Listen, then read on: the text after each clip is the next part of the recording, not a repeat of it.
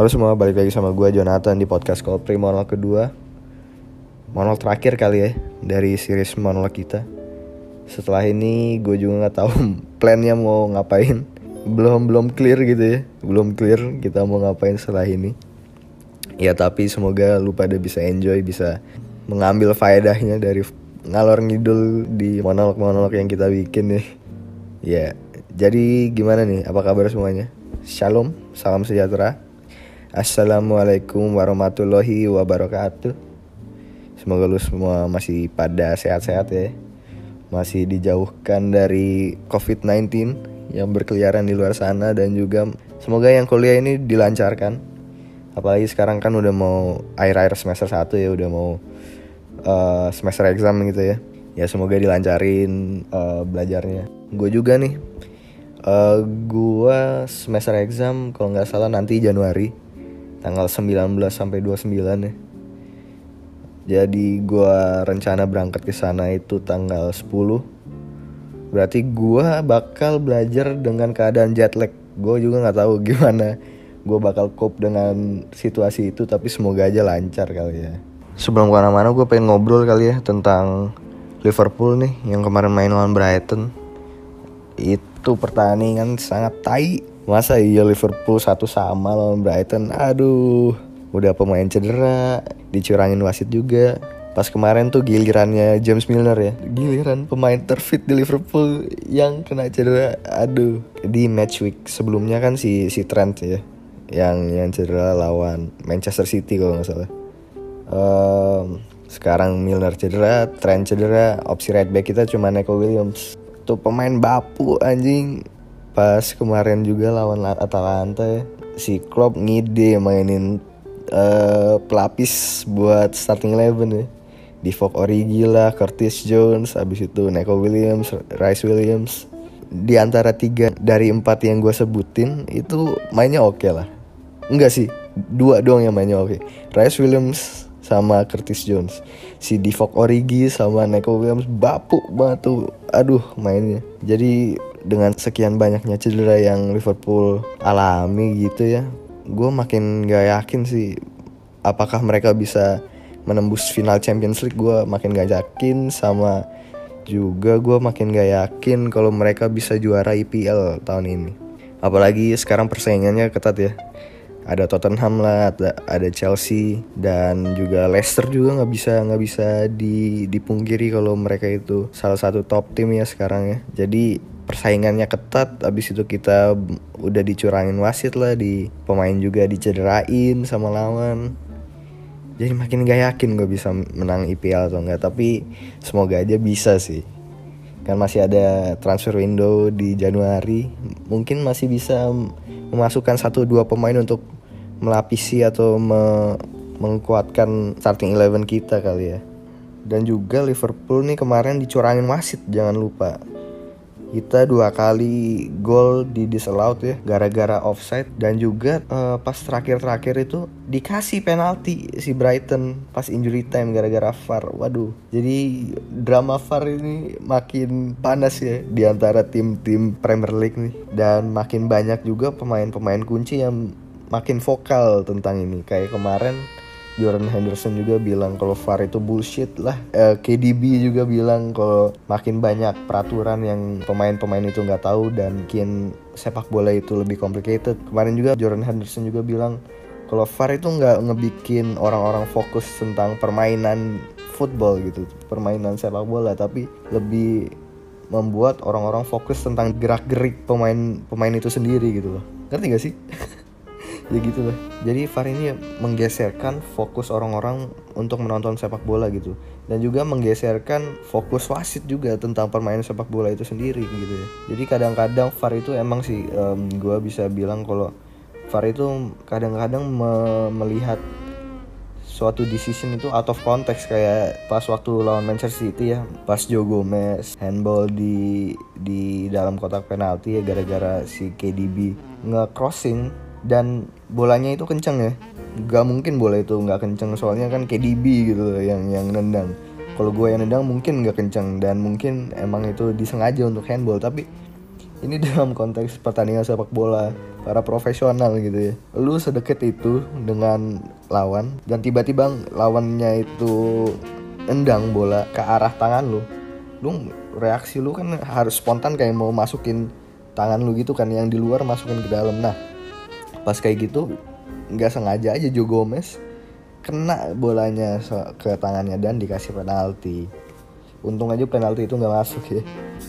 Nah dari situ gue bilang sih VAR itu sangat-sangat apa ya melihat suatu action suatu action yang terjadi di pertandingan itu sendiri dengan cara out of context gitu loh.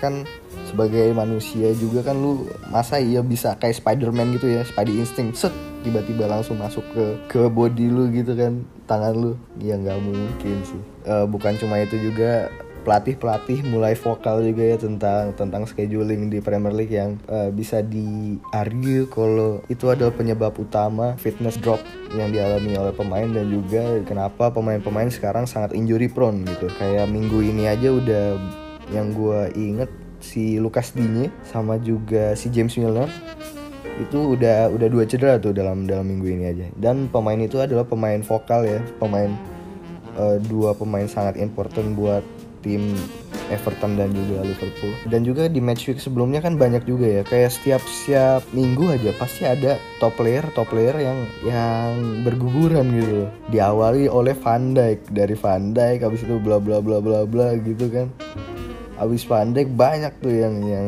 yang mulai cedera. Nah dari situ manajer-manajer mulai vokal tuh tentang scheduling EPL tentang tentang international break juga tentang substitution ya emang sih kata gue sih apalagi sekarang masih era pandemi gitu ya. Uh, perusahaan-perusahaan uh, televisi sana kan mulai kejar setoran lah kalau kita bisa bilang ya. Kejar setoran dengan cara mengejar pertandingan-pertandingan season ini dengan cara cepat agar bisa selesai pada bulan yang bersamaan kayak season season yang lalu gitu. Itu bulan Mei atau bulan Juni gitu kan. Dan caranya itu ya gitulah dengan cramming schedule-nya itu biar bisa disiarin di TV gitu kan. Tapi ya gitulah resultnya emang negatif banget apalagi yang tiga substitution doang itu kan. Harusnya masih bisa lima lah kata gue. Masih mas covid masih ada habis itu sekarang juga mau apa ya mau eh, sekarang juga mereka perusahaan-perusahaan gede ngejar setoran gitu dengan uh, hak tayang IPL gitu kan.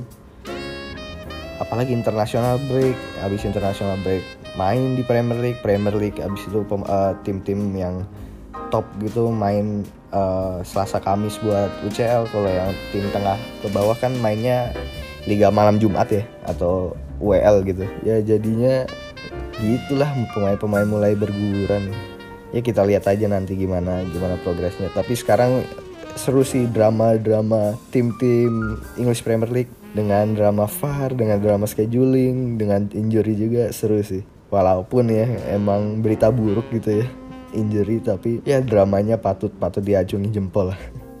Jadi kemarin dua hari yang lalu gue main bola ya di Estadio Municipal de Serena Hills. Kebetulan gak diajak si Dio, shout out, asik. shout out to Dio. Dan juga kemarin gue main juga sama teman gue, Bentang yang kemarin gue ajak nge podcast ya. Itu di sana tadinya mau main dua jam ceritanya. Dua jam ini soccer. Tapi orang-orang ngaret jadinya cuma sejam kalau nggak salah. Plus minus satu jam main main bola. Dan untung kita main cuma sejam gitu gue aja kemarin cuma main lima menit ya. Megang bola beberapa kali doang udah ngos-ngosan gue udah nggak ada stamina gitu. Tiba-tiba stamina bar gue merah gitu kalau artian tes gitu. Dan banyak juga yang yang cuma lari-lari 5 menit habis itu baliknya cuma jalan gitu. Dan gue salah satunya untung aja untung aja cuma main sejam gitu loh. Kalau dua jam gimana itu?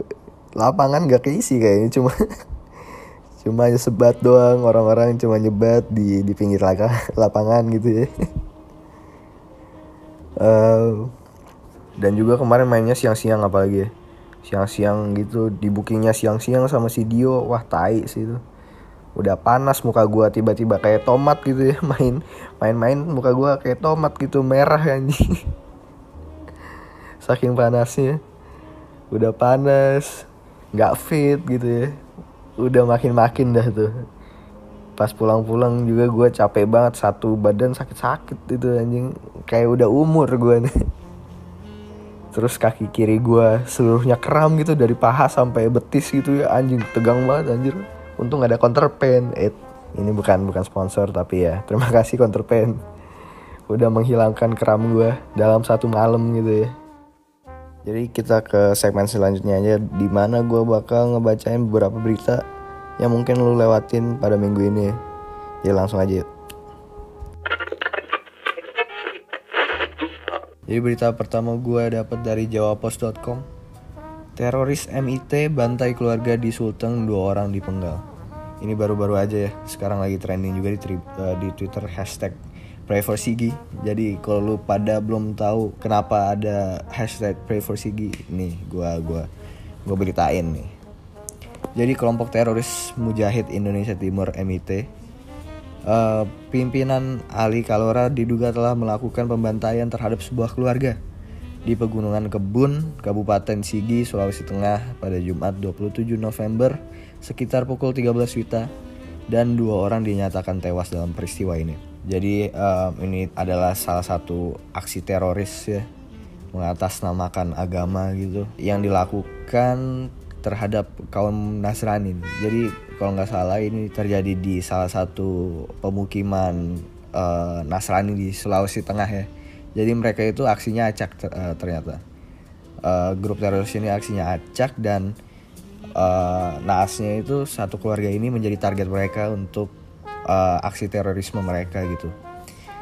Jadi Ibu Ulin ini uh, salah satu korban ya Ayah dan suaminya tewas dengan cara dipenggal. Ibunya masih hidup, walaupun terluka. Ulin kemudian lari menyelamatkan diri ke desa Lembon Tonga, Tongoa, dan menyampaikan kejadian tersebut kepada saksi Aco. Jadi berdasarkan keterangan Ulin nih, ayahnya dan suaminya itu uh, meninggal gara-gara digorok oleh uh, kelompok OTK gitu. Dan ini sangat-sangat uh, tragis ya. Dan ini juga bukanlah pertama kalinya kita melihat teror terhadap kaum kaum minoritas. Jadi ini sangat-sangat menyedihkan ya. Dan terakhir kalau nggak salah gue kalau gue inget aksi teror yang yang wide scale banget di Indonesia waktu dulu itu di Surabaya. Tahun 2017 atau 2018 lupa gue yang terjadi di hari Natal gitu. Itu sangat-sangat menyedihkan juga. Jadi pas hari Natal waktu dulu di Surabaya tahun 2018 kan satu keluarga itu melakukan aksi bom bunuh diri ya. Ini juga uh, memperlihatkan bahwa Indonesia masih jauh gitu loh dari dari uh, masih jauh progresnya untuk melawan peperangan radikalisme ini loh. Uh, dan juga ini mungkin menjadi PR gitu ya buat Indonesia untuk menangani radikalisme ini. Ya. Tapi dari semua ini gue juga nggak mau menyalahkan kalau ini adalah apa uh, ini adalah ajaran agama mereka pasti enggak dong jadi gue mau kutip aja nih dari Barack Obama dia pernah bilang no religion is responsible for terrorism people are responsible for violence and terrorism. Jadi ya benar sih.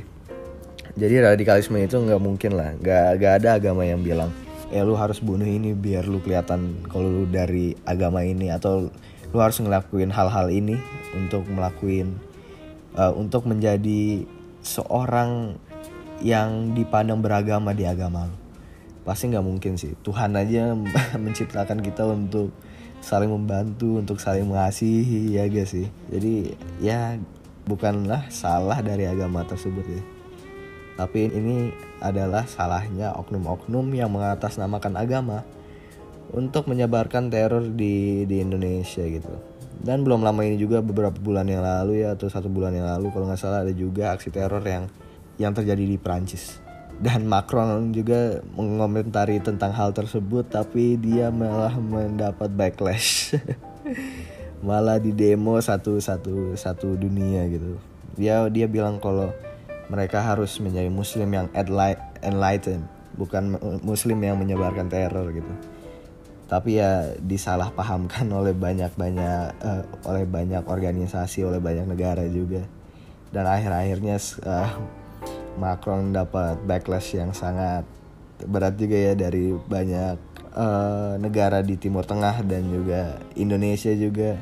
Sampai-sampai ada yang ngedemo di di les tempat les bahasa Prancis di Bandung. Astaga.